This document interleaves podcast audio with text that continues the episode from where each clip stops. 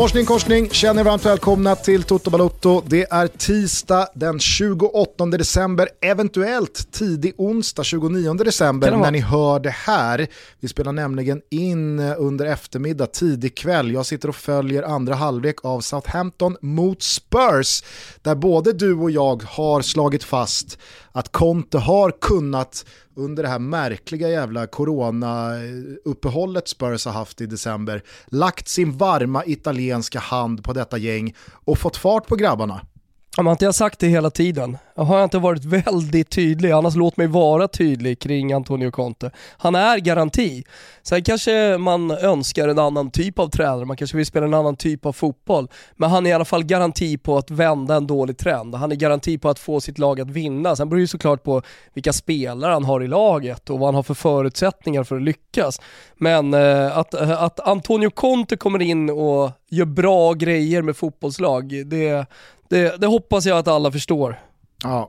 Eh, vi kommer snacka väldigt mycket Spurs eh, och eh, Tottenham-året 2021 och en hel del Harry Kane ihop med Erik Niva eh, redan på fredag i del 1 av vår årssummering så vi behöver inte fastna speciellt mycket vid Spurs. Vi konstaterar bara att det blev som både du och jag har varit inne på att det, det, har, det har blivit en väldigt väntad effekt och att Spurs under de här många och långa spelfria veckorna senaste tiden har kunnat nöta in den eh, men, fysik som Contes fotboll kräver och att de nu men, ser ut att flyga fram.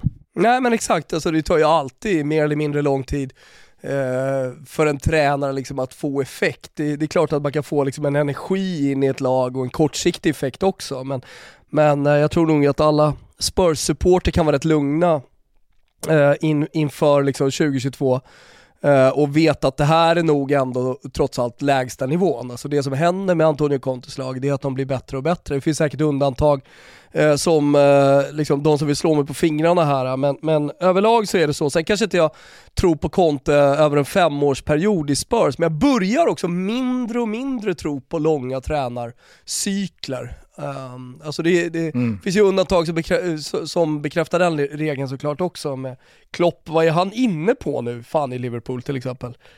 Han kom hösten 2015. Känns, ja, det är 2015, du vet, det, det, det är en evighet sen.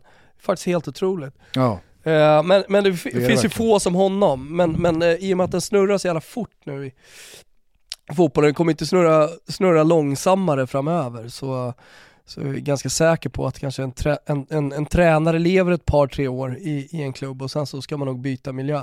Med några undantag som Känslan är väl också att eh, Klopp för varje säsong ytterligare i Liverpool så förkortar han sitt liv i andra änden med två år. Så, så är det ju definitivt eh, man vet också att eh, Klopp vet om det. Han vet att nu, bör, nu, nu börjar det bli tight till 70 här alltså om jag ska klara det. Jag tror, jag tror verkligen att Klopp varje morgon när han slår upp ögonen brottas med liksom känslokvalet. Är det värt det? Ska jag verkligen fortsätta?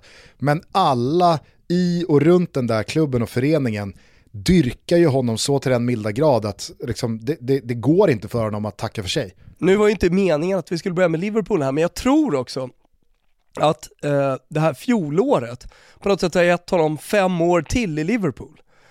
Alltså, eh, eh, det, är som att han liksom stod på år, år noll eh, när den här säsongen skulle börja så att han var tvungen att för jag tror att han drivs av det, liksom, att, att bekräfta sig för omvärlden återigen.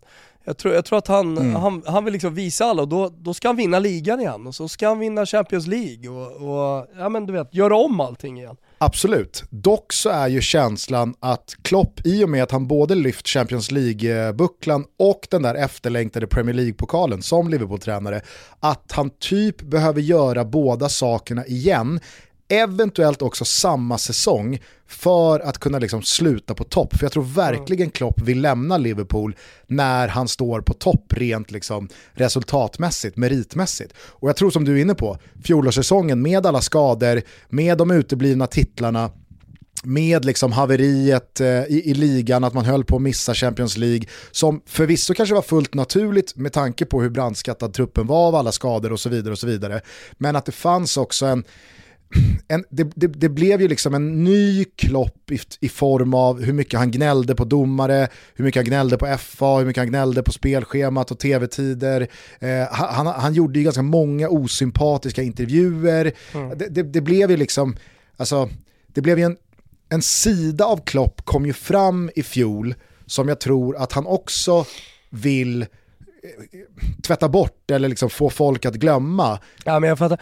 Men, men samtidigt så tror jag att det liksom, den sidan finns väl hos alla människor. Jag håller med dig, jag tror också att han vill, han skulle liksom inte kunna lämna Liverpool eh, med det ansiktet, eh, med de intervjuerna, utan det är som du säger, han, han, han vill nog jättegärna lämna med ett stort leende och ett par titlar till. Ja exakt, och då blir ju problemet, det var ju det som Om man ska lämna liksom... Liverpool någon gång, jag vet inte. Nej, exakt. Han, han, kanske kör, han kanske kör tills han dör. Han stupar i det ja, där 69 då, eller vad har vi sagt? Ja, men skulle, ja. skulle, skulle det inte vara liksom the perfect way to go, du vet hur Klopp eh, kan, eller kan, det gör han väl nästan alltid. Alltså du vet när Klopp har tackat eh, alla spelare, motståndare, domare eh, och han vet att kameran följer honom, han applåderar, tre av fyra läktare innan han vänder sig mot the cop och börjar gå mot the cop. Och sen då liksom mm. så st st stegrar sårlet. Det, det, börjar liksom så här, nu, nu kommer det snart. Oh, och så bankar mm. han sig aggressivt mot hjärtat, mot bröstet. Tre, fyra gånger. Alltså det här ser du ju framför dig när jag nu beskriver det, eller hur? Ja, ja. Vore, Absolut. Vore det inte den ultimata Jürgen Klopp-döden ifall han liksom på väg mot the Kopp får en hjärtattack så att det som ser ut att vara hans patenterade liksom, bröstkorgsbank snarare är liksom han själv som slår mot hjärtat, vad fan är det som händer? Och så segnar han bara ihop. Och så dör han strax utanför straffområdet mot the Kopp i vad folk tror är hans patenterade liksom, visa hjärta-bank. Ja, makabert. Eh, när vi ska summera snart med Erik Niva som du sa här 2021.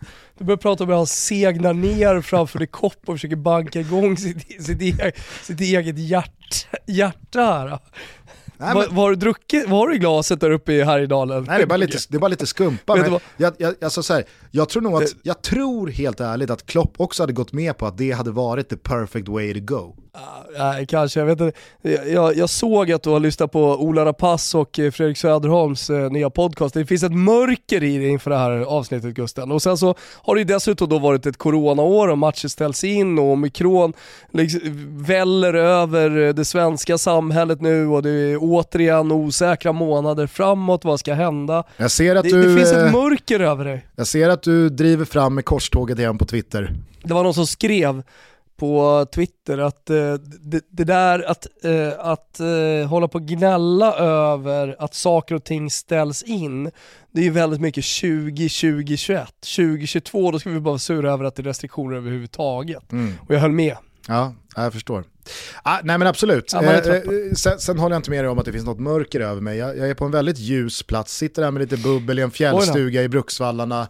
Det, det, är, det, det är härliga tider eh, och jag skulle bara säga det innan vi lämnar Klopp och Liverpool, att det som alltid var så jävla, tycker jag, imponerande med eh, Sir Alex Ferguson och hans Manchester United och det som verkligen var liksom det som särskilde honom från andra, när vi nu pratar tränare som är länge i en klubb, det var ju hans förmåga att bygga om laget. Alltså, Sir Alex byggde ju egentligen tre mästarlag. Det går väl att argumentera för att det typ var mm. fyra. Men att han över en 20-årsperiod byggde om det där laget alltså, rakt igenom. Och det är väl det som är det svåra. Exakt, det det och det var det, och det, var det jag skulle komma till. Att om och nu... som ledare att, liksom, inte återuppstå men kanske Ja, förnya sig själv. Återväcka sig själv, att hela förnya sig och att Eh, hitta eh, nya motivationer hela tiden, att, att driva det framåt. Ja. Och det var det jag skulle landa i bara kring, kring Klopp, att det, det tror jag är liksom den, den, den svåraste, ja men, eh, den svåraste exiten ur Liverpool-rondellen för honom, att när blir han då klar? För att ska han vinna de stora titlarna igen med Liverpool så är ju risken att han efter den här säsongen eventuellt då kommer behöva börja bygga om laget. Kommer Mohamed Salah skriva på det där kontraktet eller inte? Jag är inte så säker för att det är en jävla massa pengar som ska upp, det tycker jag också. Jag såg någon lönelista Premier League här för någon vecka sedan. Du vet att Saul Niguez, Alltså, mm. Chelseas från Atletico Madrid inlånade och nästintill liksom hånade allround mittfältare som knappt har gjort en minut sedan den där första halvleken när han byttes ut i paus och av Thomas Tuchel bedömdes som, nej det, det var katastrof. Han tjänar alltså lika mycket som Mohamed Salah. Ja det är faktiskt otroligt. Och, och, och då kan man ju och förstå det, ja. att Mohamed Salah lyssnar på de som erbjuder honom 200% i löneökning. Men vilka gör det då? Vilka klubbar skulle han potentiellt sett kunna gå till och tjäna mer? Jag skulle kunna tänka mig att eh, om eh, PSG blir av med Kylian Mbappé här, att det finns en plats jo. för honom där. Jag kan absolut tänka mig att Real Madrid, eh, om de inte liksom eh, hittar en lösning eh, på Eden Hazards position eller i den liksom hierarkiska rollen, mm det, det, det, finns nog de som, ja. det finns nog de som kan höja den där lönen.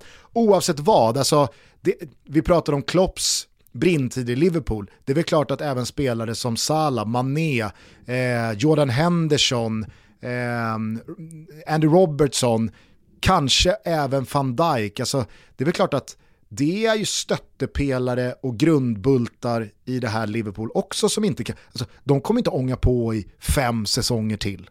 Och då, ska, och då ska Klopp bygga om det där laget till ett nytt Champions League-vinnande lag eventuellt, eller ett nytt Premier League-vinnande mm. lag. Men han, har, han, gjort det bra, han har ändå gjort det bra hittills. Alltså, alltså, det, är, det är fem, sex år, det är, det är inte två år. Och även om eh, många av nyckelspelarna har varit samma, ja exakt, men, men jag tycker ändå han har hittat Alltså, speciellt har han gjort det jävligt bra med de unga spelarna. På tal om utmaningar, på tal om svåra saker inom fotbollen. Att, eh, att göra en U-spelare till en A-spelare, det, det, är väl också bland det svåraste som finns. Och dessutom, på den nivån eh, som, som Liverpool är på, det, där är han ju också en mästare måste jag ändå säga Klopp. Ah, det vet fan om jag håller med om. Alltså, Trent Alexander-Arnold i all ära, men det är ju också typ den enda spelaren som över tid har presterat på deras ordinarie A-nivå som har kommit från U-lagen. Sen finns det jättemånga ja, kom, med kom hög många potential. som man håller på att slussa in. Absolut, absolut. Men, men det är ju inte någon liksom det är inte någon homegrown till hälften elva okay. Liverpool ställer på benen Han har lite mer att bevisa laget. där, okay då. Så är det. Mm. Eh, och jag tycker att man i mångt och mycket fortfarande krämar ut väldigt mycket bra av det laget, alltså av det mesta laget han byggde. Han har ju inte ja, börjat bygga om så jäkla mycket. Eh, nu... Nej, men, men jag ska säga det att så bygga om och att hela tiden förädla laget, det kanske snarare handlar om att man ska ligga på Liverpools nivå och söka titlarna varje säsong. Mm så handlar det om att förädla och där tycker jag han har gjort det jävligt bra. Van Dijk är ett bra exempel. Eh, alltså, bra på, på att använda kikarsiktet. Vad är det som behövs här för att vi ska, för att vi ska ta nästa nivå? Alisson, eh, ett annat sånt exempel. Det var väldigt tydligt att där, där behöver man göra någonting. Sen har det ju hela tiden varit eh, eh snack om det centrala mittfältet. Där kan Liverpool fortfarande göra någonting för att bli ännu bättre. Sen summerar man liksom ERR och, och vissa spelare liksom tenderar man att höja, eller de, de, deras gärning på fotbollsplanen tenderar man att höja i efterhand. Och där tror jag att vi kanske har varit lite blinda för vissa spelare. Ja, jo absolut. Typ Henderson. Ja, nej, alltså jag... Eller jag tror omvärlden, vi, jag ska inte säga vi, men så här, alltså ibland så behöver du behöver kanske också bara de lojala spelarna. De som går in och gör jobbet. Mm. Alltså det, det, är viktigt för att få ihop ett, ett, ett sånt lag som Liverpool ändå är. Du behöver kanske två sådana spelare. Eh, Fir, eh, Firmino eller på att säga, men Fabinho är ett annat exempel såklart Absolut. också. Eh, hörni, vi släpper Liverpool, konstaterar att det är bråda dagar i England. Där spelas ju den enda fotbollen som är igång för dagarna. Det är lite jul och nyårsledigt varstans. Spanien eh, kickar väl igång en omgång eh, direkt efter nyår, men i Italien så är det mm. lite uppehåll, Tyskland, Frankrike lika så. Eh, så det, det är ju i England det händer. Det var ju en målrik och svängig historia historia under Boxing Day. Manchester City gick på knock första halvlek mot Leicester, höll på att eh, schabbla till det i andra halvlek när Leicester gick upp till 4-3. Men sen så stängde ju City den där butiken och återigen visade att äh, men, petar vi bara i fyrans växel så är det liksom inga som hänger med. Arsenal fortsätter slakta vidare, 5-0 borta mot Norwich som mer och mer återigen ser ut som ett Championship-lag. Kanske inte är liksom den, den tyngsta värdemätaren, men fan vad de ångar på Arsenal ändå. De tar ju sina mm. treor, alltså de, de håller ju på liksom att lämna jävligt många lag bakom sig i tabellen. Som inför och som under hösten, som, som kanske framförallt efter Arsenals inledning, skulle vara med och brottas om samma slutpositioner som Gunners. Alltså, nej, jag, jag är full av beundran för, för eh, Arsenal. Ja, vad det gäller Arsenal, jag tänkte bara säga, alltså två saker.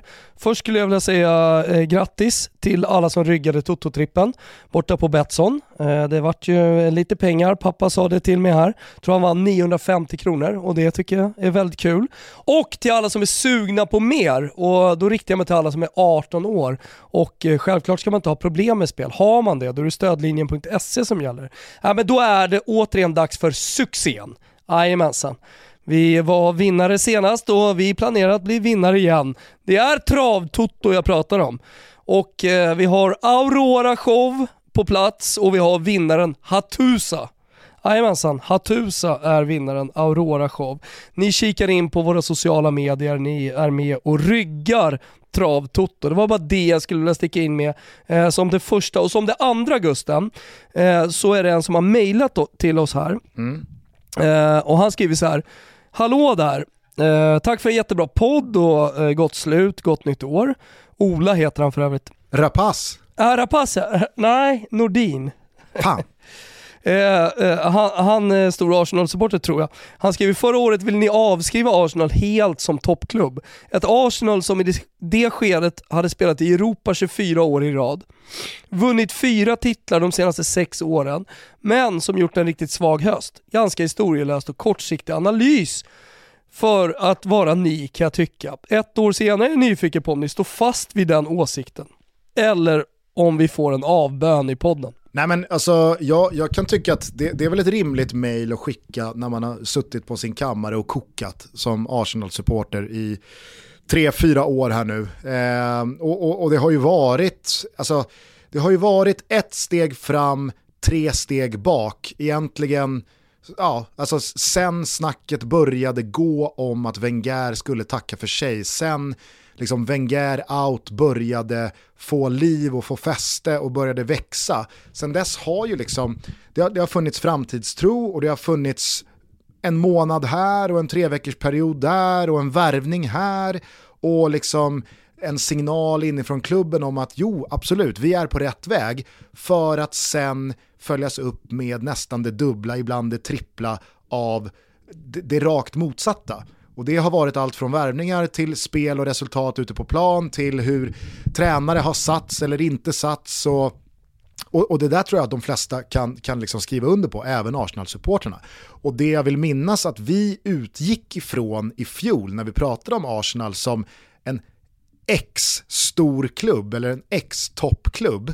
För att jag, jag, tycker ändå man ska hålla, alltså, man, man ska ändå göra skillnad på storklubb och toppklubb. Alltså IFK Göteborg är ingen toppklubb i Sverige, men det är en storklubb. Eh, Arsenal är ingen toppklubb i Premier League, men det är en storklubb.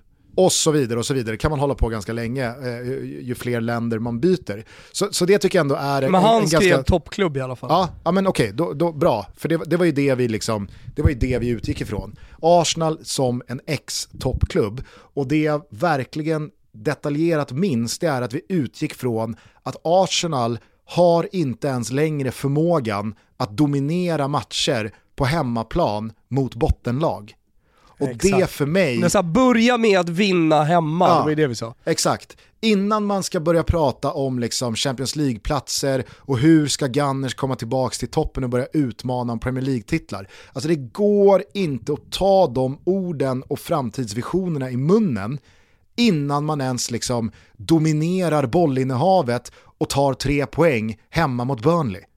För det var ju en period där förra säsongen där jag tror Arsenal förlorade fem, fyra eller fem raka matcher på Emirates. Och det är liksom så här, hur du än vrider och vänder på det så måste man börja i ändan av att ja, men ta poängen mot bottenlagen på hemmaplan i alla fall ta tag i bollen och visa att du i alla fall liksom så här, här... Ja, nej, men jag tror att det var ganska tydligt.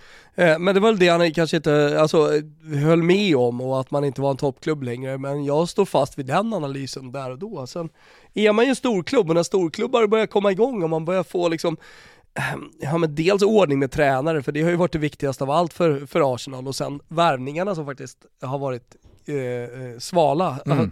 totalt iskalla, om man, med, med, några undantag såklart, eh, så, så, har man ju även där börjat hitta lite, lite mer rätt. Och jag vet inte var du håller Arteta just nu, men eh, vissa tränare känner mig som Solskär, att så här, vi kan inte ge mer tid, men med Arteta har man ändå, ändå känt någonstans i, i, i bakhuvudet att fan det kanske blir bra, bra ändå. Ja, periodvis, absolut. Sen så har han ju följt upp det med, som jag var inne på, perioder där det har sett helt hopplöst ut. Och jag tänker inte göra samma misstag igen, att man efter ja, men de här två senaste månaderna konstaterar att Arsenal kommer slåss om någon ligatitel nästa säsong eller att Arsenal kommer kunna hävda sig i Champions League nästa säsong. Alltså, det har gått två månader av bra eh, resultat, av bra spelmässiga insatser här och där, långt ifrån eh, i, liksom kon konsekvent. Eh, det har funnits riktiga jävla klappusla insatser också. Men det som verkligen har fått mig att tycka att Arsenal har kommit någonstans senaste tiden, det är ju hur spelare som Martinelli, Smith Rowe, Saka, Ödegård, Tomiasso, eh, Tierney, eh, Ben White, eh, Ramsdale i mål och så vidare. Hur de Hur spelarna... går det för Pepe? Det går piss. Alltså... ja, jag menar, på tal om eh, så här, värvningar och misslyckas, ja. var det inte typ 80 miljoner euro eller någonting man köpte honom för? Jo, det är, det är ja. absolut den summan som har ja, slagits fast att han kostade. Eh, så det är ju en av de sämsta värvningarna som har gjorts eh, det här decenniet. Det, det, det, tror jag alla kan, kan skriva under på. Men som sagt, alltså, jag, jag kommer inte ropa hej än och konstatera att nu är Arsenal här. Nu är man inte längre där. Men jag tycker att man har väldigt mycket positivt att ta med sig av de senaste 8-10 veckorna. Eh, och, och, och, där måste man ju såklart ge, ge det till de inblandade främst Mikael Arteta. Men jag ser det långt ifrån som omöjligt att Arsenal också kommer in i en rejäl svacka här nu januari, februari när man ska in i, FA-kupperna. Alltså, du vet, det, det, jag har sett det här laget liksom eh, kliva ur form också. Så att vi får väl se vart det tar vägen. Ja men så här lite grann, alltså, man, är, man är ju närmare ehm, eh, så att kriga med Spurs, United, kanske West Ham. Jag säger nu medan vi spelar in så leder de med eh, 3-1 faktiskt eh, mot Watford. Men eh, närmare att fortsätta kriga där in i maj om den sista Champions League-platsen snarare än att ta upp någon kamp med City, Liverpool, Chelsea. Jag säger inte att man behöver vara en toppklubb för det, eller behöver man vara en toppklubb? Behöver man vara med och slåss om topp 3-platserna för att vara en toppklubb i Premier League? Om vi nu ska liksom bara sätta definitionen lite snabbt. Alltså, det tycker jag nästan. En toppklubb ska ju vara med, alltså en toppklubb i Premier League ska ju landa en Champions League-plats tre av fem säsonger. Ja. Tycker jag. Ja, ja. Eh, men, men, eh, men, låt oss se Arsenal man ska ju dessutom komma ihåg, Man ska ju dessutom komma ihåg att det Arsenal presterar nu och liksom den här hösten som varit, den senaste två månadersperioden som varit, är ju också en period av att ett hopplöst Tottenham alldeles nyss har bytt tränare och kommer varva upp från och med nu, vara förmodligen i, i, i helt annan slagstyrka nästa säsong. Manchester United, ett hopplöst Manchester United, har också precis bytt tränare, förvisso med någon märklig interimlösning som eventuellt blir ett nytt namn till nästa säsong. Ja, vi får väl se vart det landar, men det är ju inte ett Arsenal som ligger fyra och går bra i en Premier League där alla andra eh, toppklubbar också mår bra och presterar eh, liksom ganska nära toppen av sin förmåga. Nej, nej, nej. Nej men så är det väl. Eh, du, det här var ju en fråga från en av våra lyssnare och tanken är väl så här snart en halvtimme in i det här avsnittet att vi skulle göra ett frågeavsnitt. Ja, delvis i alla fall. Det har ju ändå spelats ganska ah, mycket okay. fotboll i England eh, och, och, och, och, det är väl säkert många som... Jag tyckte som... att jag sparkade igång det med ett mail. Ja men det, det, var bra. Jag skulle bara säga det att jag också från Boxing Day tog med mig uh, The Return of Big Rom Alltså Lukakos eh, insats, inhopp ska jag säga, mot eh, Villa. Fan vad imponerad alltså, vilken klass han visade i många aktioner och vilket sparkapital Chelsea ändå har där. Ja, det var lite roligt på slutet, det att, eh, att liksom värvningen har fått lite kritik. Typ, ja men det blir inte bra, det blev inte bra med Lukaku typ. Jag har varit där några månader, dessutom varit skadad och folk börjar ifrågasätta värvningen. Är inte det lite konstigt? Jo, det... Det, det har väl inte är... undgått dig? Att, nej, att, den, att, att värvningen också... som så, alltså värvning har ifrågasatts? Nej nej, herregud. Eh, men, men, samtidigt så är det väl den verkligheten de här, alltså absoluta toppspelarna lever i. Det ska, det ska levereras omgående, annars så börjar det liksom ropas flopp hit och misslyckad värvning jo, dit. Jo, men det ska också noteras eh, tycker jag. Och låt oss vara tydliga. Agenten har ju redan börjat prata om en ritorno till Italien. Så att, eh, det är klart, klart det kan få fart lite på alltså, den typen av eh, åsikter också om själva värvningen. Jävla imponerande inhopp var i alla fall. Chelsea med tre tunga poäng borta mot Aston Villa. Brighton vann för första gången sedan Dacke. Och sen igår då så tittade jag på Newcastle mot Manchester United. Jag förväntade mig när jag såg laguppställningarna okej, okay, Paul Pogba saknades på grund av skada och jag tycker fortfarande att han tillhör det bästa Manchester United kan ställa på benen. Men det var ju väldigt många som var inne på att ja, men det här är nog det bästa Ralf Rangnick kan formera när det kommer till den Manchester United-trupp han huserar. Och så ska de möta då Newcastle, hopplösa Newcastle som bara vunnit en match hittills och som brottas med både skador och covid och ett hopplöst tabelläge ja, men det kändes bara som att nu ska Ralf Rangnick efter också ett litet så covid-uppehåll och förmodligen en del timmar på Carringtons träningsplaner visa att okej, okay, det, det, är det här vi menar med liksom den, den tyska energifotbollen. Alltså det var fan den sämsta insats jag sett på väldigt, väldigt länge. Ole Gunnar Solskjaer måste ha mys där uppe i Nordnorge. Ja, vi pratar lite om ledare, alltså det man önskar där är ju en tränare som skriker igång laget, som liksom bara får in den där energin. Jag vet inte exakt vad det är som gör tyska energitränare till tyska energitränare, men någonstans måste det ju komma ett ledarskap som liksom sparkar igång det, som, så får fart på det sådär. Här kändes det som att man, man käkade morfin innan matchen och gick ut halvsömniga. Dels det var bedrövligt att se Eh, men många också, alltså som kollektiv, men också många individuellt sett usla jävla prestationer. Ja, framförallt så, så ser de ju helt osynkade ut i det här liksom pressspelet som ska vara, eller ska vara, som är Ralf Rangnicks liksom sigill och, och adelsmärke och signum. Och det kanske kan ta lite tid, absolut. Jo, men igår så var det inte bara den här liksom osynkade pressen, utan det var väldigt många gånger också en helt obefintlig press. Det, det var det så här, ska, ska, vi in, ska, ska de inte spela det där spelet? Ska de inte kliva högt och kliva med en intensiv press och sätta in den på offensiv tredjedel? Eller eller liksom så, har, har, vi missuppfattat vad som är grejen här? För då tänker man att ja, men då får de väl sjunka lågt, ja, men då, då, då tänker man att okej, okay, då, då, får de väl sjunka lågt och ligga rätt i sina block lite lägre ner, vinna bollen och sen så i ett etablerat eh, anfallsspel när de väl kommer upp med folk, ja, men då, då, finns det, då finns det kombinationer här, det finns mönster, det finns eh, spelare som kan slå sin gubbe, det finns eh, ja, men, eh, eh principer som i alla fall eh, försöker ta någon slags form här av vad man vill göra. Det enda jag såg var liksom McTominay och Fred vilsna på innermittfältet, stå där med bollen, jaha, vem ska jag försöka hitta här? Jag har inte den här passningsfoten så att jag kan trä in den på, på, på 40-50 meter.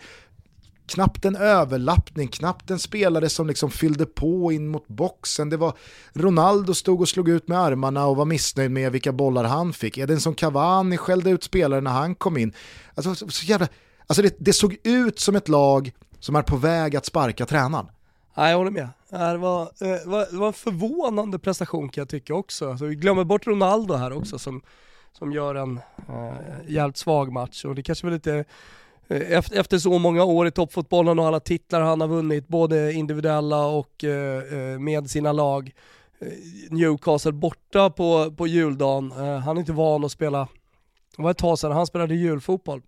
Nu är inte det någon, någon ursäkt till att man gör en dålig prestation men men eh, jag tyckte han också var en skugga av sig själv. Jag, inte, jag fick lite mess här från folk som undrade om eh, Ronaldo kanske var slut, men, men ville vara väldigt tydlig då tillbaka att det är inte är inte de här matcherna han brinner för längre och det är kanske också är ett problem. Och då kanske han inte ska spela. Jag vet inte, men nu var det inte bara Ronaldo, nu var det väldigt många spelare som kände som att de ville gå på julledighet snarare än att åka till Newcastle och lira fotboll. Samtidigt, alltså så här, de matcherna Ronaldo brinner för att spela måste de ju också nå. Så då är det ju de här matcherna de behöver vinna. Ja, I alla fall liksom, alltså, han kanske inte behöver vara dominant i 93 minuter längre och det är inte den fotbollsspelaren han är idag.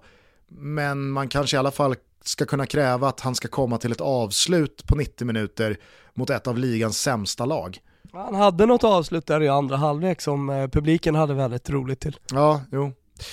Ah, jag tror ja, det var väl i slutet av första halvlek han Men försöker. du, ska vi, höja en individuell ska vi höja en individuell prestation från den här matchen så, så ska vi säga någonting om Emil Kraft. ja, ja, ja, jag vet inte. Alltså, det var, det var, väl, det var väl solitt.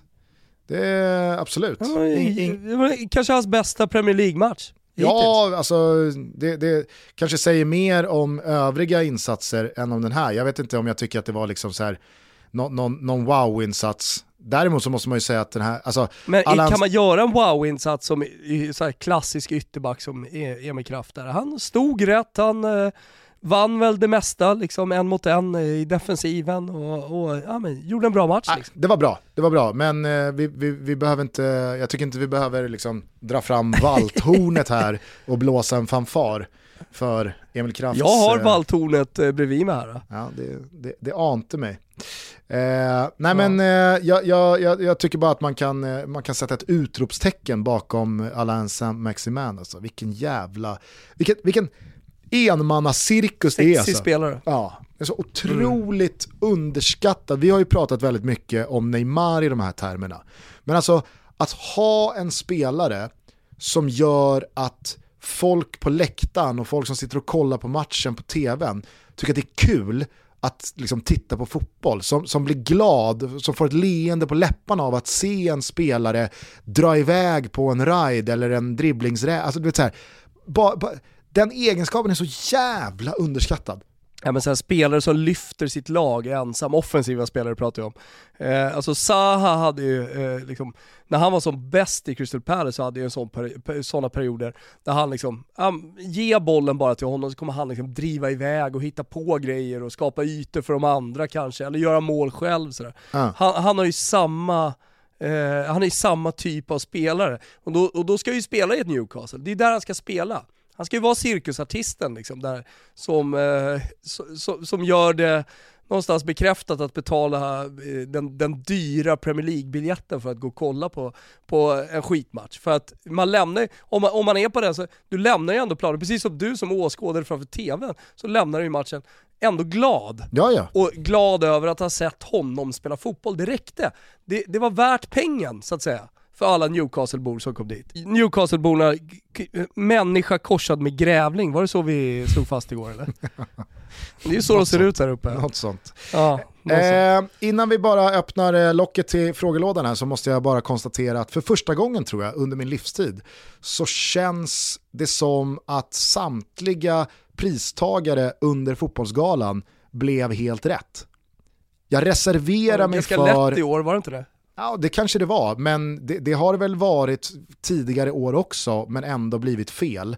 Och jag, återigen, jag reserverar mig för att jag kanske inte är helt rätt på det vad gäller min utsaga här eh, på damsidan. Där kanske du är en bättre ja, domare än vad jag, jag kliva in, Men jag konstaterar bara att Robin Olsen som årets målvakt, Victor Nilsson Lindelöf årets back, Emil Forsberg årets mittfältare, Alexander Isak årets forward och att eh, Emil Forsberg får lyfta guldbollen. Det känns liksom, ja, jag, jag, jag, har, ingenting, jag har ingenting att invända mot, mot någon. Nej men det finns inga invändningar och uh, tar man damsidan så tycker jag att allting och är väldigt klart. Och grattis till Emil Forsberg som får sin första guldboll också. Just det, just det. Stort grattis. Eh, nej men på, på damsidan eh, så var det ju, alltså det hade kunnat bli så att Rolfö vann årets anfallare, eller Stina Blackstenius vann årets anfallare och den andra vann eh, diamantbollen.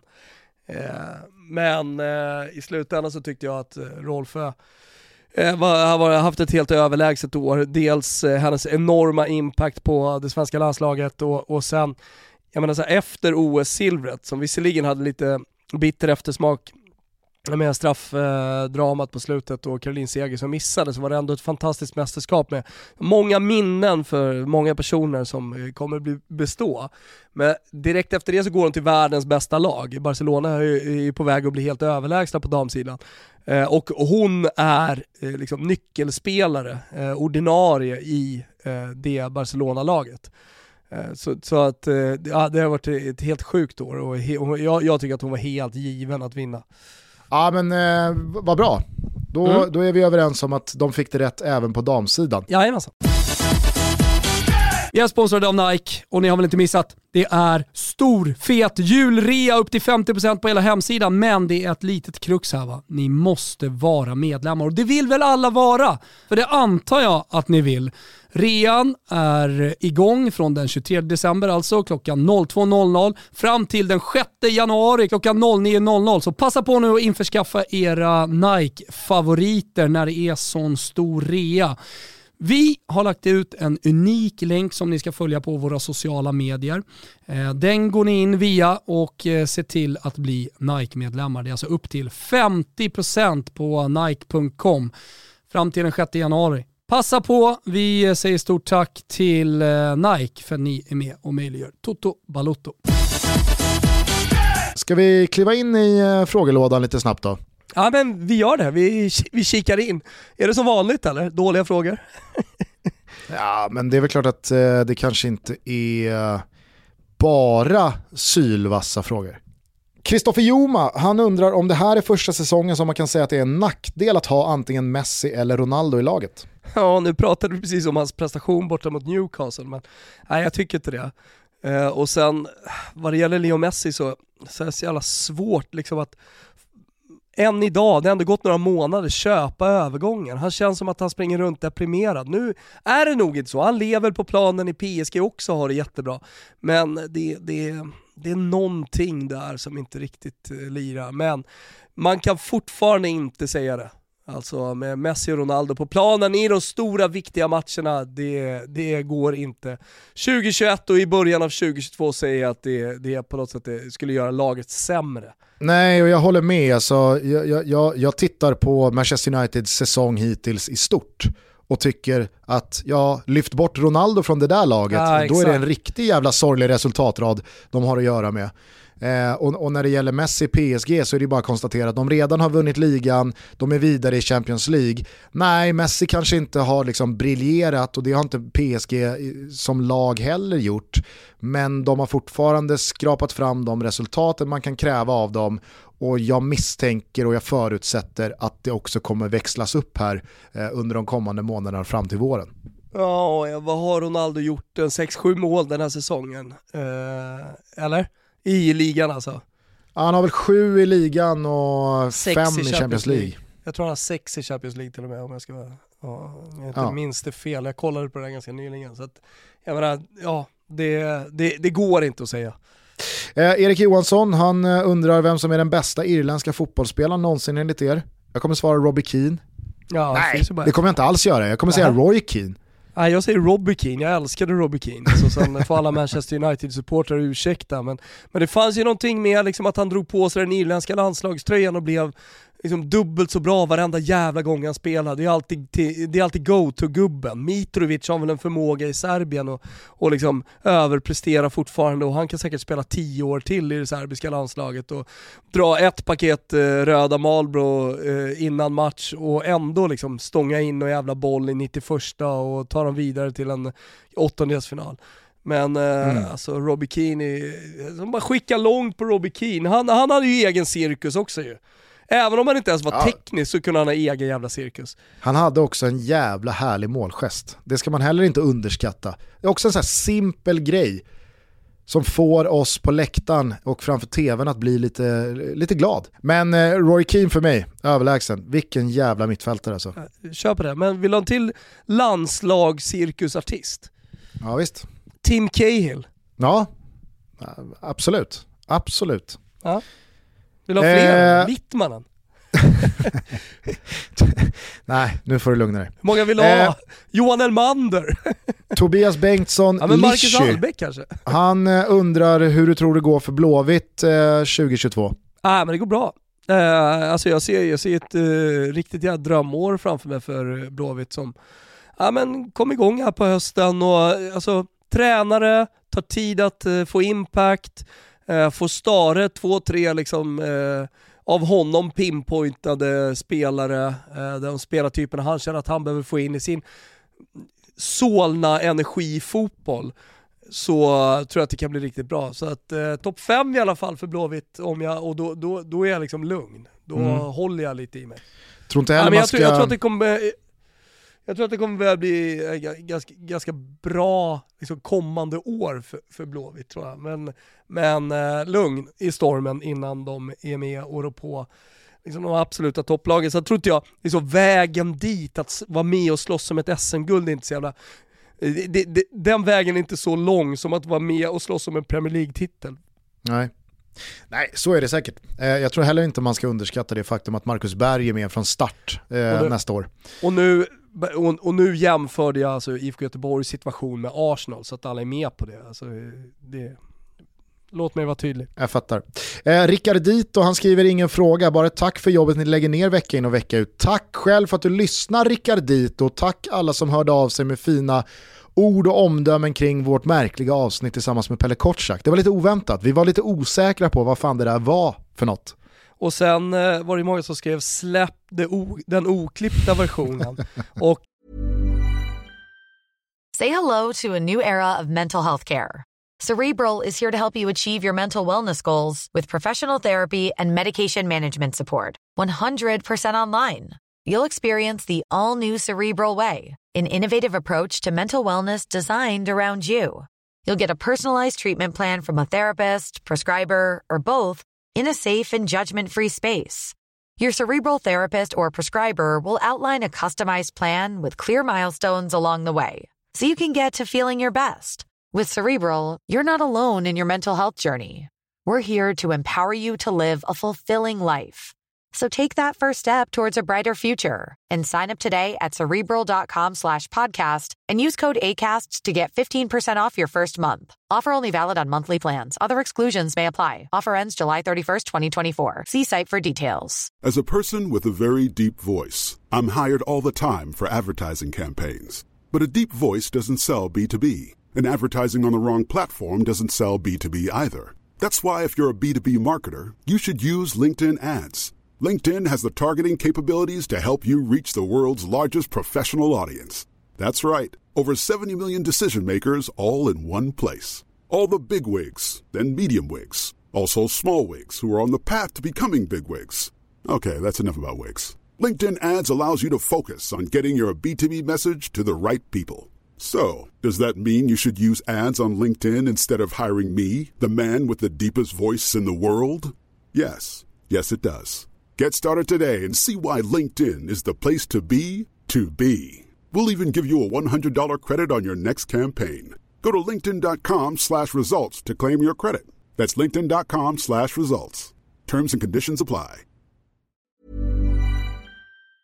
eh, alltså så här, vi, vi trodde ju att Kim skulle klippa det hårdare än vad han gjorde. Alltså det, det, det är väldigt mycket den Ja. oklippta versionen som, eh, som folk har fått. Så det finns liksom ingen timme till med kort sagt. Däremot så skrev Patrik Mörk, eh, som också tyckte om avsnittet, att det borde bli en tradition att vi alltid firar jul tillsammans med Pelle Kortsak. Ja, det har jag inget emot. Nej, verkligen inte. Eh, fina Nej. fina Munken undrar hur mycket deg drar Wilbur in? Eh, hur mycket deg jag drar in, alltså eh, hur mycket pengar jag tjänar. Ja, det antar jag att han undrar. I, eh, eh, alltså, vet vet du vad det ärliga svaret är på det? Nej. Jag har ingen aning. Jag har ingen jävla aning.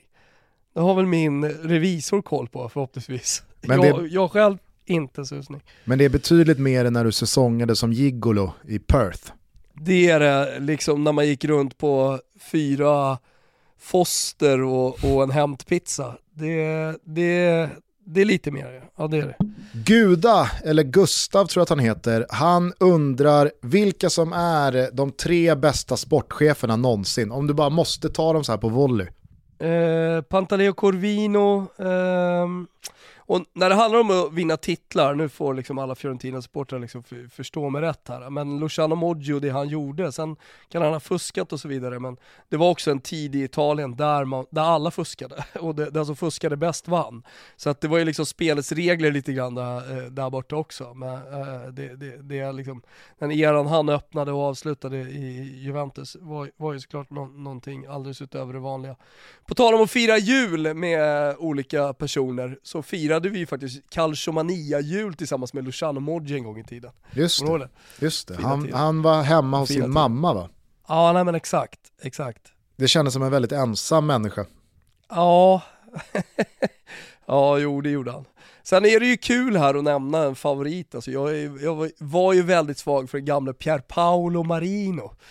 Eh, som var i Odinese bland annat, men då, då är vi ju, klart det finns, alltså Klart det finns sportchefer att nämna framför honom, kanske folk tycker.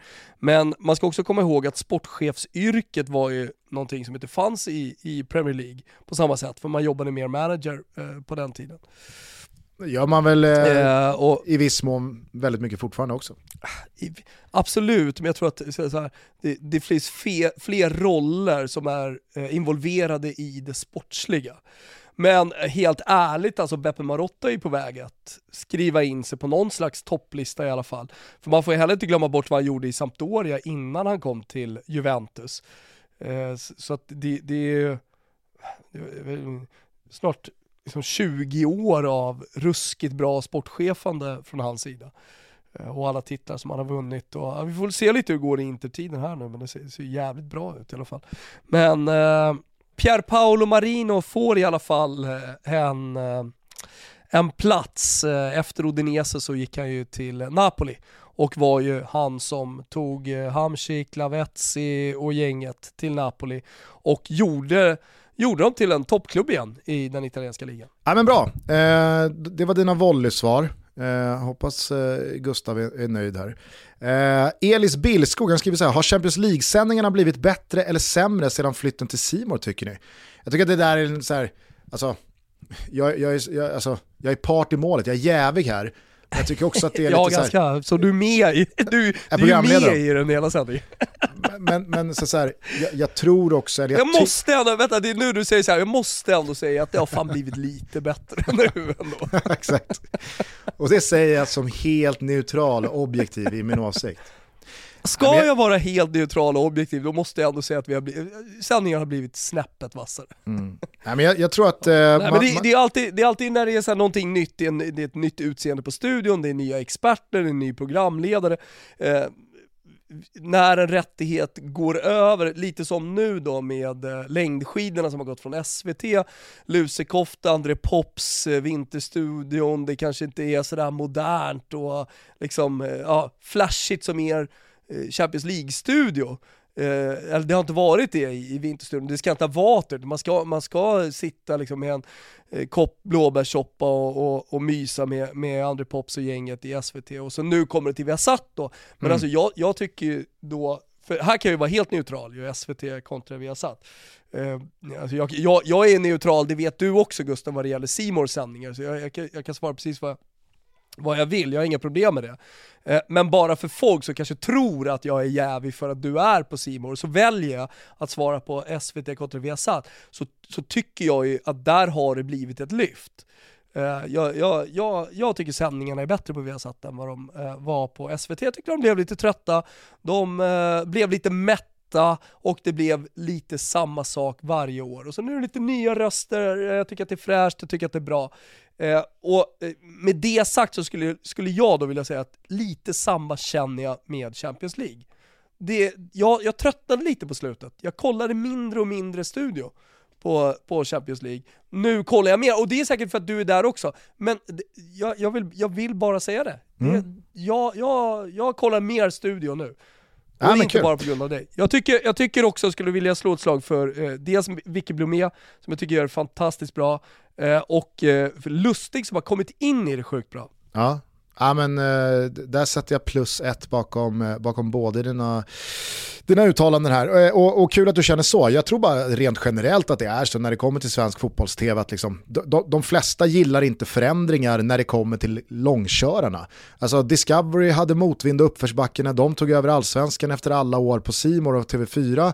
Alltså Väldigt många har ju sett Ola Wenström ratta Champions League med Niva och med Åslund och med Glenn och med Bojan och alltså med det gänget. Det har ju varit väldigt liksom, lite förändring där och de har gjort jättesnygga och bra sändningar i väldigt många år. Och så byter, byter helt plötsligt rättigheten hemmaplan och skrud och personer och då är ju väldigt många liksom så här den, första inställningen tror jag är hos många att man blir lite skeptisk och att man är lite negativt inställd och att man har svårt att gå in i det med öppna sinnen. Så jag tror bara att så här, de som känner att Nej, men det har blivit sämre eller jag vill att det ska vara som det har varit, jag, jag tror man också behöver ge saker och ting tid. Så kommer säkert de flesta känna att Nej, men det, det, vet du, det här är faktiskt ganska det bra det också.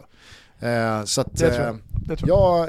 Jag, hoppas och tror att många, när vi sätter punkt efter den här säsongen, känner att ja, men fan, vi, vi, vi, gjorde, vi gjorde vårt absolut bästa, vi, vi gjorde det också ganska bra. Sen om folk tycker att vi har satt gjorde det bättre tidigare, ja, men då, då får man väl tycka det. Eh, jag, jag hoppas och tror att eh, vi både gör det bra och kommer göra det ännu bättre. Hade det varit taktlöst av mig nu Gusten att eh, slå ett slag för Cacciatore på Simor?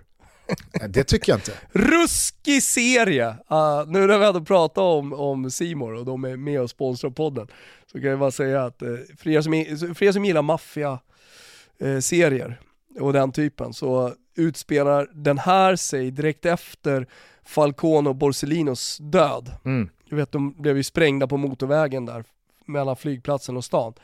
Eh, och eh, det, det, det, är ett sånt ruskigt skådespel och de här 90-talsmiljöerna, du vet det var en tid när man rökte inne hela tiden. Och eh, den här ständiga, omöjliga jakten på eh, de olika maffiabossarna. Ja. Eh, det, det, det speglar de fantastiskt i Cacciatore. Dessutom så finns ju nya Beck ute sen juldagen. Oj. Jag har sett den, tycker att den var härlig. Tycker att den var härlig. Eh, Martin okay. är liksom tillbaka i utredningen, det hatar man inte. Oh, Okej, okay. för jag har varit lite skeptisk till just att han inte har varit med så mycket på slutet. Ja, det, det förstår Men jag. Eh, härligt. Och kan inte väcka Gunvald till liv då? Och, och, återigen, där gillar man inte heller förändring. Man är liksom, Nej, där inst, har du instinktivt känner man, vad fan, jag vill att det ska ja. vara som det har varit. Nej. Men eh, det finns ju dessutom en La Liga-omgång att se fram emot här till helgen. Så redan på nyårsafton så finns det La Liga-fotboll att konsumera och sen så rullar omgången på eh, på söndag. Så att eh, skaffa för guds skull ett simor abonnemang om ni inte redan har det. Eh, Potterball, han undrar vad som händer med Salernitana. Har du, har, har du liksom fått några klarheter där än? Nej, det finns inga klarheter. Det finns ingenting att rapportera. Alltså, det är status quo? Eh, fotbolls Ja, så här, eh, eh, du har ju dels ligaförbundet, eh, alltså motsvarigheten till SEF blir det ju då. Det vill säga, alltså den organisationen där alla elitklubbar är representerade eh, Lega Calcio och sen så har du fotbollsförbundet. Lega Calcio med presidenterna, representanter från de olika klubbarna, röstade ju för att eh, man skulle tillåta Salernitana alldeles oavsett vad som händer att avsluta säsongen. Så man slipper hamna i det där jävla läget att ett lag står över. Men, det är för eh, väl ändå. Och så hade man, ja, men, eh, jag, jag ser lite fram emot att ett lag står över varje omgång. Men eh, Eh, sen hade man stormöte då med FIGS, eh, alltså det italienska fotbollsförbundet i Rom eh, och där satte det italienska fotbollsförbundet ner foten och sa nej, nej, nej. Antingen kommer det in någon jävel och köper Salernitana eller så kan de dra rätt åt helvete. Så att eh, Ja, tidsfristen gäller här. Det är 28 december när vi spelar in det här. Det är några dagar kvar. Vi får se. Sen kommer det uppdateringar. Alltså, jag tror att det kommer lösa sig i slutändan. Jag tror ju att Salernitana kommer eh, spela ut den här säsongen. Eh, på något jävla märkligt sätt, hur omöjligt, omöjligt det än känns, så brukar de lösa det eh, nere i Italien. Och hur går eh, surret mellan vi, dig vi och Anders Ström? Ja, men eh, det har varit lite julledighet från vårt surr om Salernitana, men med två, tre dagar kvar och liksom skaka fram en halv yard, det, det, det tycker jag ändå borde vara rimligt och görbart. Så att vi får väcka liv i den tråden igen. Ali Joop, han undrar vad som händer med JG egentligen. Får vi se honom viftandes med en Sig Sauer i utkanten av Cancun inom en snar framtid eller vad fan är det som händer? Vart ser, vart ser, du, vart ser du Guidetti när hans kontrakt löper ut här nu i, i, i juni? Nej, alltså jag ser honom tillbaka. Alltså jag tror på något sätt att han har varit ute och snurrat nu sedan han var liten. City, eh, sen Holland och Celtic och Spanien och allt möjligt. På något sätt så tror jag att eh, pojken John Guidetti vill hem till Stockholm. Och att han har tjänat så pass mycket pengar att han är nöjd. Han har också varit ganska frikostig med eh, klipp på sociala medier där barnen verkar vara ganska tydliga i sitt Djurgårds och Hammarby-förakt. Jo, jag vet. Så att det har ju flörtats en del med Gnaget i alla fall. Det jag tror med John Guidetti, alltså dels så tror jag på något sätt eh, att pojken vill hem och så vidare. Eh, och, och dels så tror jag att han vill vara i centrum på en fotbollsplan igen. Han vill liksom inte avsluta eh, i Cancun eller eh, i, i, för, den, för den delen i, i Dubai. Utan han, jag tror att han kommer vilja liksom göra ett avtryck på en fotbollsplan. Mm. Och eh, då, då, då är det ju bara AIK som gäller. Så att, ja, ja, jag tror väl, om det inte blir nu till allsvenska starten så till sommaren, så kommer han hem. Men jag tycker att man borde kunna lösa det innan, alltså hur jävla mycket pengar handlar det om? Ja. Att lösa honom från Alaves och hur, hur liksom stolta är de att eh, inte låta honom gå, för han spelar ju typ ingenting. Jag tror också att det är eh, av ganska stor vikt att eh, Sebastian Larsson spelar vidare, Micke Lustig spelar 22. Så Eh, nu pekar väl allting på att Kristoffer Nordfeldt också har kritat på ett längre liksom, eh, kontrakt för att stanna. ja. Eh, så att, det, det, det kan nog tippa över till AIK det där för, för JG. Vad det lider. De är inte, inte vapendragare i BP, för de är olika generationer, men de har ju sprungit på varandra eh, på Grimsta. Mm. Eh, Nordfält och, och Jigge. Så är det. Eh, Marcus Fredriksson han undrar hur det kommer sig att jag inte håller på något lag i Sverige, orkar inte dra den harangen en gång till. Men han skriver så här, har det funnits något lag i Sverige som du nästan börjat hålla på och varför blev det inte det laget i sådana fall? Det kan jag säga att, alltså, är, det, är det något lag liksom så här, jag, jag ändå var där och nosade på så var det ju Bayern i och med att farsans bästa polare Thomas Andersson, idag agent, då sportchef för Hammarby, eh, ja, men, eh, ändå liksom fick mig att gå väldigt mycket på Söderstadion. Man hade väldigt liksom, nära band till, till laget på Årsta, man var där på träningar och fick någon matchtröja. Och, så att det, det fanns ändå en, en Hammarby-flört i unga år, eh, men eh, det dog ju ut för... Det blev att- aldrig... Nej, och, och, och, och det var ju på grund av liksom det som har lett eh, till att jag aldrig har hållit på ett lag i Sverige. Eh, så, så var det med den saken. Martin undrar om Pontus Farnerud är en bluff. Och då pratar vi alltså om IFK Göteborgs sportchef Pontus Farnerud. Så jag svårt att bedöma, hur länge har han varit sportchef nu i IFK Göteborg? Alltså han hade ju någon Det går väl, det märklig går väl liksom, enkelt att eh, lista liksom. han, han, delade ju han bra uppdraget eh, märkligt länge med kneten.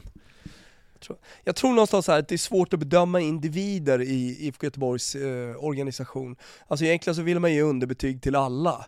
Alltså individuella underbetyg till alla. Men, men jag tror att det finns någon slags kollektiv jävla härdsmälta i, i IFK Göteborgs eh, liksom ledning som gör att det blir svårt. Alltså det är mycket möjligt att han inte är en bluff. Det är lätt att säga, ja han är en bluff. Det är väl, den är väl retoriskt ställd den här frågan tänker jag också. Men eh, eh jag, jag, jag vill ändå inte säga det. Nej, och det tycker inte jag heller att man kan göra riktigt än i och med att han har varit liksom ensam på posten så kort tid han ändå har varit det. Jag tycker däremot att det är lite upp till bevis för inte bara Pontus Farneruds truppbygge utan också IFK Göteborgs liksom linje man har valt med alla dessa ständiga hemvändare och liksom ja men, eh, blickar i backspegeln och att vi ska tillbaka till det som en gång var och laget som eh, har, har vunnit SM-guld och fikaligan hit och landslagsmän dit som sjunger på sista versen. Nu inledde man ju 22-säsongen med att plocka tillbaka Emil Salomonsson efter hans utlandsäventyr. Återigen en sån här, han är hemma igen-värvning. Eh, och, och de har ju helt ärligt gått sådär om man ställer upp samtliga på, på, på rad. Så att det måste ju flyga nu under Stare eh, 22 för att inte hela jävla liksom vägvalet ska, ska bli underkänt. Och där måste ju såklart sportchefens roll i det vara väldigt liksom, primär. Absolut, absolut. Vi får Så- se. Ja, vi får, eh, vi får ge det 22-säsongen här vad gäller Blåvitts vägval och eh, sportcheferi av Fanerud. Per Winberg skriver så här, konkurrensen i Norden jämförs med svenska och danska ligan. Hur tycker ni allsvenska klubbar ska jobba? Som exempelvis Mittjylland. Alltså har vi för få lag i Sverige som nischar sig? Alltså, jag, jag vet inte, jag tycker, jag tycker ibland att typ Mittjylland och Bodö Glimt får liksom det blir för stora ringar på vattnet rent nationellt, Danmark och Norge, för att de klubbarna sticker ut. Alltså, gjorde inte de, eller gör inte de lite samma sak som Östersund gjorde? Eller? Alltså, Förstår du vad jag menar? Att det är en klubb menar. Men som alltså, sticker ut och eh, hittar ett nytt sätt att arbeta på och kanske liksom så gå mot strömmen och bryter mot normen. Men det behöver ju inte innebära att det är en trend som går i svensk fotboll för att Östersund gjorde det. Eller för att Bode Glimt gör det nu, att det är så norska klubbar jobbar. Eller Mittjylland, det är så danska klubbar jobbar. Jo, nej, eh, men alltså jag tror att det också blir, blir svårt att jämföra. Jag såg Anders Norlén på eh, Twitter som Eh, är en Swiss Ramble-typ, eh, men på svenska, som faktiskt alldeles nyligen har liksom brutit ner i väldigt mycket detalj de danska toppklubbarna. Eh, Brönby här senast, eh, och där, där, där skiljer det sig, jag såg FC Köpenhamn var han på här för någon vecka sedan. Eh, där det blir väldigt tydligt när han jämför med de svenska liksom, toppklubbarna, typ Malmö FF också, alltså, som ligger eh, helt överlägsna i Sverige om vi bara kollar på eh, ekonomin och sista raden och, och, och sådär. Eh, att, eh, alltså vi är inte ens nära FC Köpenhamn då. Deras strategi är att man köper spelare för att behålla spelare. Eh, med, samtidigt som nu har, nu har väl Malmö lite, lite samma strategi också, men man har kollat på övriga alltså toppklubbar som är med och slåss om SM-guld, så liksom bygger ju hela verksamheten på att man måste få fram talanger eller, eller köpa, köpa spelare som man säljer, säljer dyrare. Allting handlar hela tiden om att sälja dyrare än vad man köper för och hela verksamheten bygger på det. Medan man i FC Köpenhamn har, liksom, förutom att man har sjukt jävla mycket mer pengar, och det går inte ens att jämföra, och kollar man på de senaste liksom, tio åren och vad de har presterat ute i Europa och så här, det går inte heller ens att jämföra med vad Malmö har gjort här. Så de ligger på en helt annan nivå. Jämför man med Brönnby då, då jobbar de kanske lite mer som eh, det, det, är alltså Anders Norléns slutsats. Eh, att man, eh, bre, de, de, jobbar lite mer som de allsvenska eh, klubbarna, typ AIK och Djurgården. Eh, där man eh, bränner nästan alla pengar på löpande verksamheten. Alltså man må, och sen så måste man finansiera sig genom nyemissioner och lån från närstående och så vidare när man inte är kreditvärdiga. Eh, så ja, det, det, det, det, och det är också svårt att titta på vad FC Köpenhamn har gjort med parken och alltihopa, för vi vet att det för i stort sett alla allsvenska klubbar, så dels finns det inte supporterunderlaget om du tittar på eh, ja vad vet jag, 98% av eh, de allsvenska klubbarna. Eh, om inte supporterunderlaget finns så finns det, om tar Stockholmsklubbarna bara, där supporterunderlaget finns, så eh, finns det inga möjligheter att eh, köpa mark och bygga arenor och, och så vidare och så vidare. Så att det, det det, det, det, går liksom inte att jämföra, eller det går inte att uh, göra en copy-paste på vad FC Köpenhamn har gjort. Utan det är deras verksamhet, de, de gör vad de gör. Eh, jag vet inte, vad, vad fan var frågan? Nu håller jag på och liksom eh, går vilse här i, eh, i Norléns tweets och eh, de danska klubbarna. Nej men det var väl en ganska öppen fråga från Per här, hur man tycker att allsvenska klubbar ska jobba. Är liksom Mittjylland något bra exempel?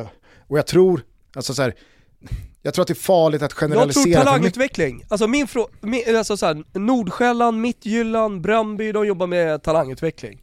Och det, det är liksom basen i deras verksamhet. Mm. Eh, jag, jag, tror någonstans att eh, all, alla svenska klubbar, oavsett om det är Malmö FF, AIK eller Kalmar FF, eh, så, så måste man jobba med sin talangutveckling och man måste lägga enorma resurser på det. Man måste lägga mer resurser än vad man redan lägger på sin talangutveckling.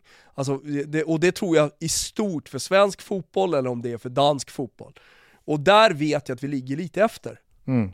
Alltså om du, om, du, om du jämför bara med Danmark. Jag har en polare som precis var över i Nordsjälland i eh, sex veckor och tittade på vad de gjorde där och jämför det med den toppklubben som han är i här hemma i Sverige. Alltså gå inte att jämföra de resurser de lägger och den, liksom, de verksamheterna de har där. Och man börjar se det resultatet. Man har sett det resultatet, att danskarna lägger sjukt mycket eh, resurser, eh, både ekonomiska och, och personalresurser i form av tränare, i form av fysios och liksom allting som finns runt de här lagen. Så de kan faktiskt mäta sig, på akademinivå i alla fall, med toppklubbarna ute i Europa. Alltså sättet de, eh, sättet de arbetar på och eh, kanske inte lika mycket resurser som, eh, vad vet jag, City lägger ner på sin akademi. Men det, man, man, man, kan ändå jämföra nivån lite, akademin, med de största klubbarna ute i Europa. Mm. Eh, och där har, vi, där har vi en resa att göra fortfarande i Sverige och den pågår och många klubbar fokar på det här, men det måste läggas mer resurser. Vi bryter emellan med ett litet budskap från eh, Betsson. Vi har en trippel i helgen och ni ska hålla utkik på våra sociala medier. Det här kommer vi släppa den. Ni vet om att vi satte trippen senast. Satt som en smäck. Eh, vi går för andra raka kaffekaka. Ni hittar den på Betsson.com under godbitar boostade odds. Som sagt, håll utkik på våra sociala medier. Kom ihåg att ni måste vara 18 år och att stödlinjen Betsson.se finns om man har problem med spel. Hörni, slutligen, Betsson, stort tack för 2021. Vi ses 2022. Mattias Söderström, han skriver så här, hur kommer det sig att nya målrekord slås varje vecka? Haaland, Vlahovic, Iguain, Giroud, Immobile, Ronaldo, Messi, Mbappé etc. Är det ett sammanträffande eller har försvarsspel gått tillbaka till 40-50-talet i kvalitet och anfallare blir överbeskyddade och inga tacklingar tillåts och så vidare och så vidare.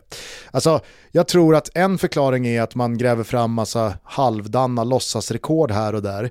Men när det kommer till de faktiska målrekorden och de hårda siffrorna där man, ja men så, som eh, Söderström nämner här, Vlahovic till exempel, ingen anfallare har gjort fler mål eh, på ett kalenderår i Serie A än vad han har gjort nu. Och den, den tidigare rekordinnehavaren, eller som han nu delar rekordet med, det är Ronaldo, således så är det ett ganska färskt rekord därifrån. Och eh, det, det finns eh, målrekord lite, lite överallt som slås här nu, jag fattar vad han menar, men jag tror att men man spelar väl mer matcher kanske? Jag tror så här, alltså, 50-tal. Det finns väl många förklaringar till att rekord slås menar jag. Ja, nej men dels, alltså, så här, så här, det, det är dåligt försvarsspel jag tror inte man spelar sådär jättemånga fler matcher idag än vad spelarna gjorde för kanske 15 år sedan.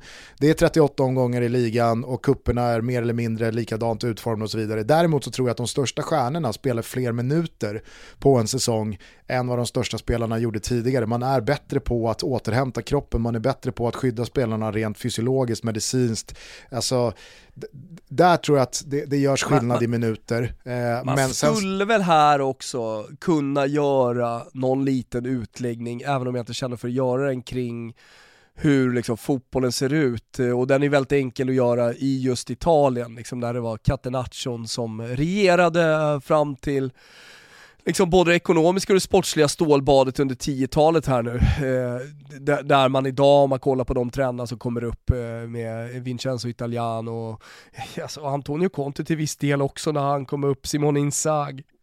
Alltså man, man, spelar mycket, mycket mer offensiv fotboll. Ja, men, men det, jag skulle komma dit orkar till. faktiskt inte gå. Nej, och, och, men, men, jag skulle landa i samma sak för att jag skulle också bara vilja skjuta in att jag, jag tror att VAR senaste två, tre åren har hjälpt till med att det blir fler straffar eh, som, som har också byggt liksom, de här största målskyttarnas eh, målskörd när man sätter punkt efter säsongen. Men som du är inne på, jag tror att den stora förklaringen är att det finns en generellt sett annorlunda eh, balans i dagens fotboll kontra för 10, 15, 20, 25 år sedan. Att det är fler, det. det är fler tränare som vinner matcher, eller som vill vinna matcher idag genom att göra två mål framåt snarare än att man vill vinna matcher genom att hålla nollan. Eh, så att, jag, jag, tror att eh, målsnittet har gått upp överlag eh, i, i de flesta ja. ligorna. Eh, tar vi på volley som sagt, så att, men, men det, det stämmer nog. Alexander Östling undrar om det är sant ifall du cyklade eller kraschade in i en liten vinbar i Florens med Ola Wiklanders cykel. Ja, det stämmer. Axel Hagberg, han eh, undrar med anledning av Darbys situation och då pratar vi alltså att Darby i Championship har eh, så pass eh, körig ekonomi att man har fått massa minuspoäng och att väldigt mycket talar för att man genom dem kommer åka ur Championship och eventuellt försvinna ner i det svarta League One-hålet. Tror ni då att Wayne Rooney kan komma ta över en Premier League-klubb nästa år? Om ja, är United ett alternativ eller tror ni att de har lärt sig läxan kring före detta spelare? Jag tror att ja på båda de här delfrågorna. Jag tror att Wayne Rooney absolut är ett tränarmaterial för Premier League, men jag tror inte att Hyllas han ska till Manchester United. mycket? Absolut. Absolut. Eh, sen har jag sett, liksom, jag, jag har sett Rooneys Derby för lite för att kunna liksom, bedöma hans fotbollsfilosofi och, och hans hand eh, han har lagt på det laget. Men jag tror definitivt att vi kommer se Wayne Rooney träna ett Premier League-lag vad det lider ganska snart. Men jag tror inte det blir Manchester United, det tror jag ligger längre fram eh, i, i, i, i pipen. Pontus Lindström undrar vilken maträtt är ni bäst på att göra? Jag, gör vilken maträtt du vill. Jag kan göra avancerat, jag kan göra eh, svensk husmanskost, jag kan göra österrikisk husmanskost. Eh, det, nu sitter jag här och filar lite på tre olika rätter med rysk kaviar som bas till, eh, till nyår. Så jag tror att den ena ska i alla fall vara råstekt hummer med med rysk kaviar och så får vi se om vi inte gör någon jävla smörig liten eh, skysås eller vi kanske till och med liksom vispar upp den rejält så att den blir lite bubblig, härlig och, och sådär. Men, eh, och sen kommer, ju- kommer det vara lite, det kommer ju vara en, en av rätterna kommer vi bara lägga den ryska kaviarn på, på huden och eh, med en iskall vodka till. Så får vi se vad den tredje blir. Nej, nej det, vilken är jag bäst på? Det är svårt att säga. Men eh, vilken, om du liksom så här, säg att du är lika sugen på alla pastarätter, vilken pasta föredrar du att laga? Alltså jag, tror, jag tror jag sprider, säg att jag lagar en 10-15 olika pastarätter, så tror jag att jag, klassiska pastarätter, så tror jag att jag sprider dem ganska jämnt över ett år. Eh, vissa perioder, speciellt under våren, innan sommaren och under sommaren så du kan jag komma in i en du är fan lika bra på allt. Ja, men antingen är du bra på att laga mat eller så är du dålig. Och sen så är jag vetgirig så jag vill hela tiden förbättra mig. Så man blir bättre och bättre hela tiden. Det tror jag, det tror jag alla är med på. Men eh, nej men eh, du vet, vissa perioder så är det ju. Alltså nu under hösten har jag liksom varit inne på olika typer av ragu, gått över från eh, rött vin som bas i, i ragun till vitt vin som bas, för det är så man jobbar i Napoli. Testa det ett tag, men, ja, men tycker det är ganska mysigt. Ja. Eh, Men eh, som sagt, det beror på årstider och lite vad man känner för. Jag måste fan säga, alltså, jag kom ju från ett tio dagars arbetsläger ute på Hattudden med julmaten här ja. senaste tiden. Alltså jag, Ja. jag har fan excellerat inom julmat känner jag. Det är ruska... Men det är också lätt matlagning. Det eh, kanske jul- det är, men nu frågar du ju Pontus, vilken maträtt är ni bäst på att göra? Alltså frågar mig själv den Ja. frågan så måste jag liksom säga, jag kommer från liksom 5 plus Jansson, 4 plus köttbullar, bra, gjorde olika laxer, gjorde olika sillar. Kände att fan, nej, jul, jul, julmaten.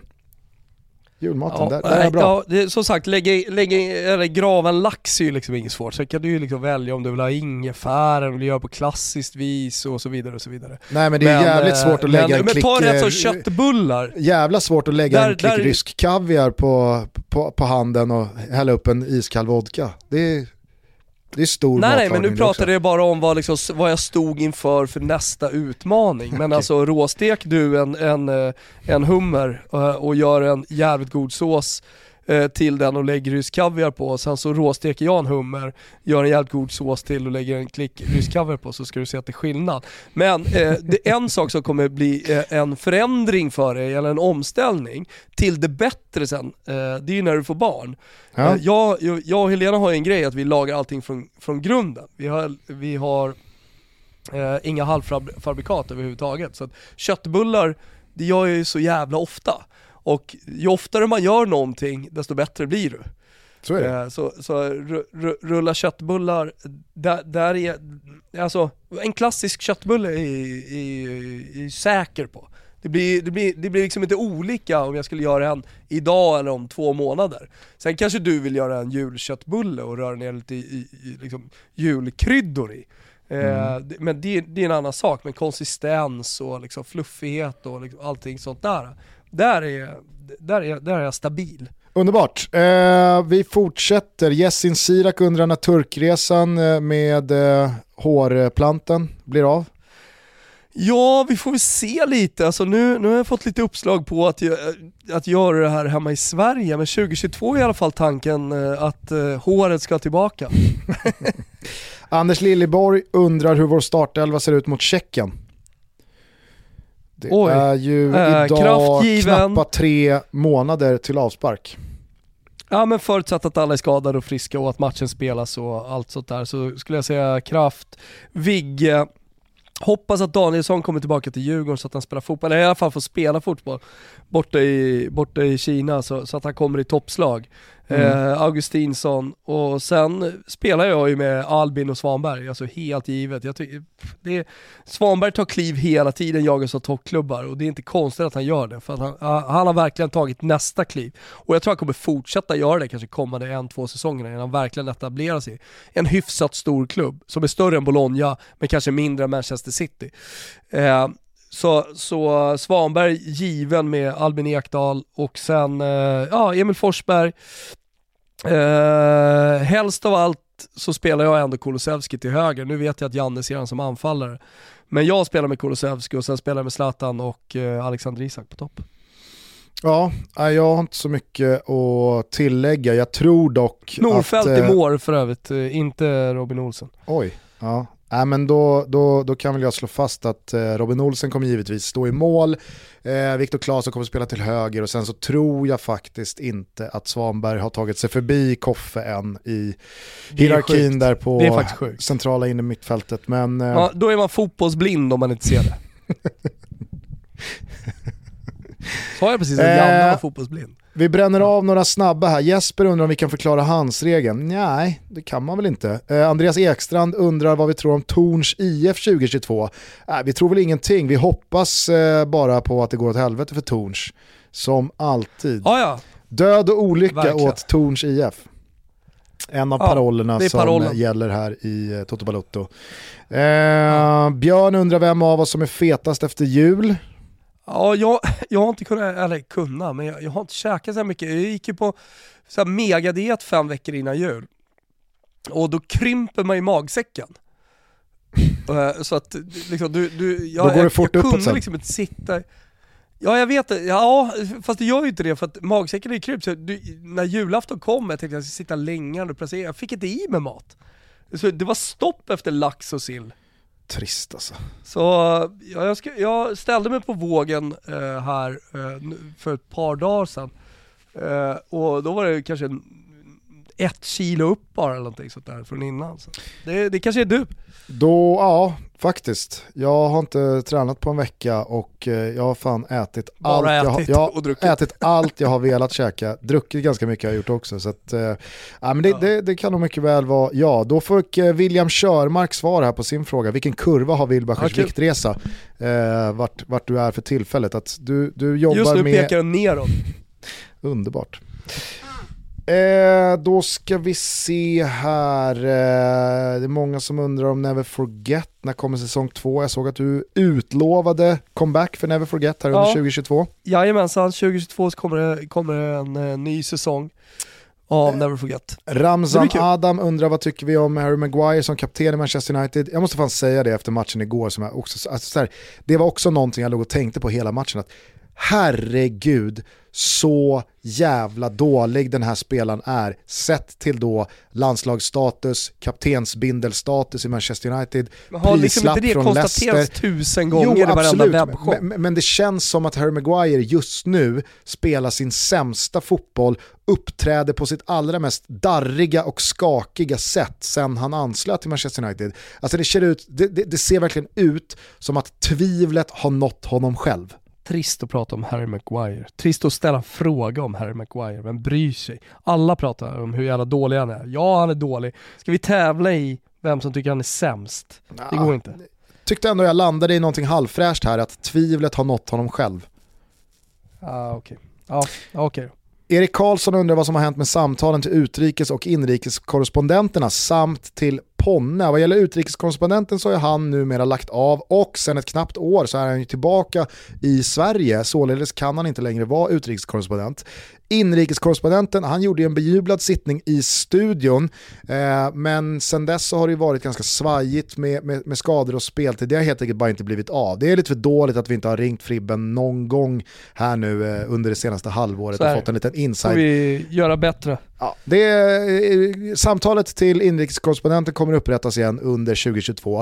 Eh, vad gäller Ponne, ja men eh, fan Ponne snackade vi väl med så sent som i höstas? Ja, det gjorde vi väl.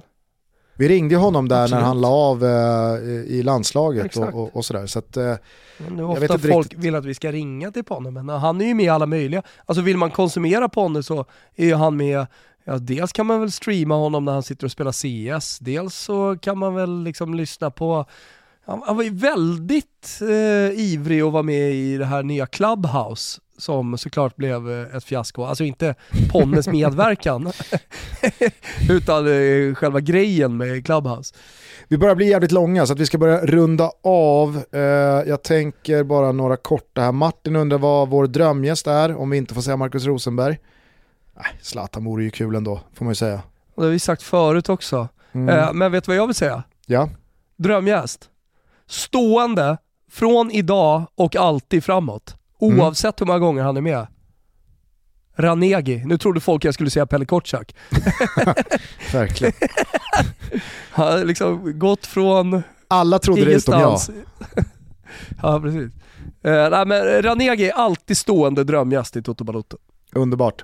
Eh, Mattias Ager avslutningsvis, Gusten vad är det som händer i FPL? Lägg ut texten, hur ser framtiden ut i FC Lenny Takes? Jag kan meddela att jag tidigare idag faktiskt tog beslutet att skita i återstoden av den här säsongen. Jag tror att jag gör comeback i augusti igen, men nu blir det Ghost Ship resten av säsongen. Jag tappade fullständigt lusten här under december med alla inställda matcher och minuspoäng man tog för att få in spelare som sen fick sina matcher uppskjutna. Allt har bara blivit kaos och det, det känns direkt ovärdigt att vi ska hålla på med det här. Så att, eh, no more eh, Lenny Takes den här säsongen. Vi får se om, om, om vi kör igen i augusti. Men det tror jag. Jag, jag har för mycket sug för att göra det där. Sorgligt.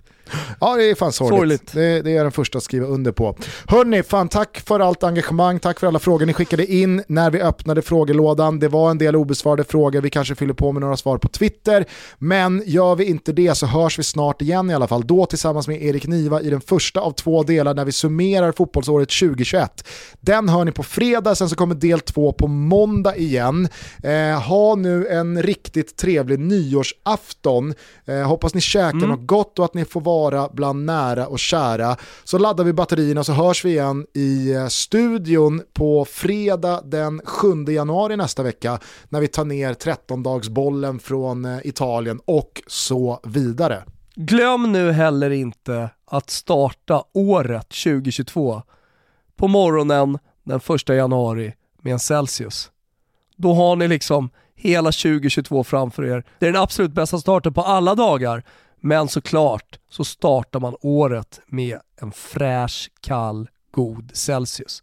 Det var det sista budskapet jag hade Gusten. Underbart. Ta hand om varandra, ta hand om dig Thomas, hälsa tjejerna så hörs vi i eh, dagarna. Det gör vi. Ciao tutti.